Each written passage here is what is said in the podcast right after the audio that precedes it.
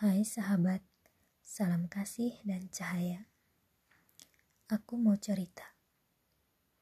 Waktu kecil, aku sedih bukan main ketika melihat pria-pria di rumahku menggorok babi. Semakin lama, kesedihan itu semakin terasa. Air mata pelan-pelan mengalir sampai akhirnya aku berlari menuju kamar orang tuaku dan aku masuk ke dalam kolong tempat tidur dan menangis terseduh-seduh. Mirip seseorang yang ditinggal mati orang terdekat. Aku sendiri tidak tahu alasan tepatnya kenapa aku sampai sesedih itu. Aku hanya merasa sedih dan tidak bisa membendung kesedihan itu.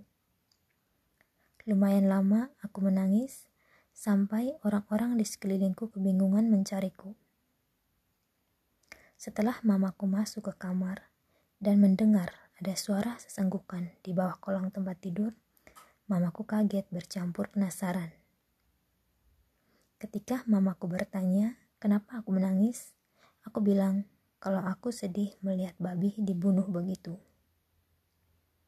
Dan aku satu-satunya yang begitu berduka melihat babi itu mati. Sejak kecil, aku memang tidak suka makan daging babi. Alasan terkuatnya lebih ke trauma.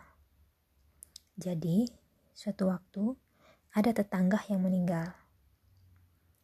Di saat jenazah masih dibaringkan di tempat tidur, di saat yang sama aku mau makan.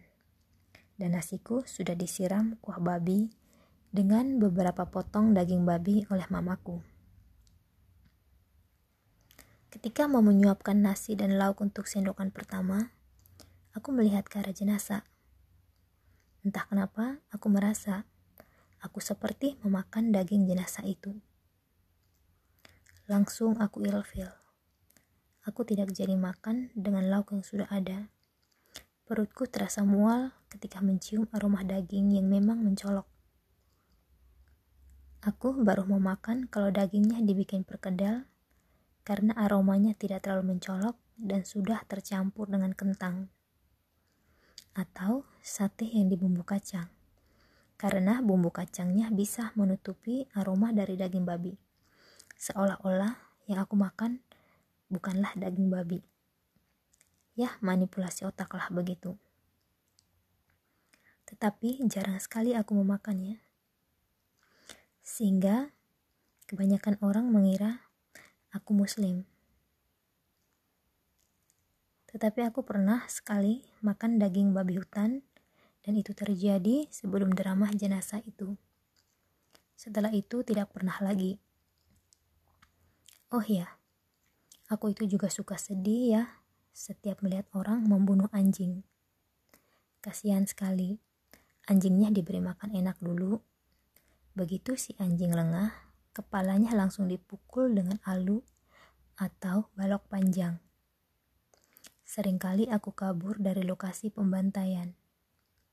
Aku tidak tega melihatnya, apalagi melihat darah berceceran dari tubuh anjing itu.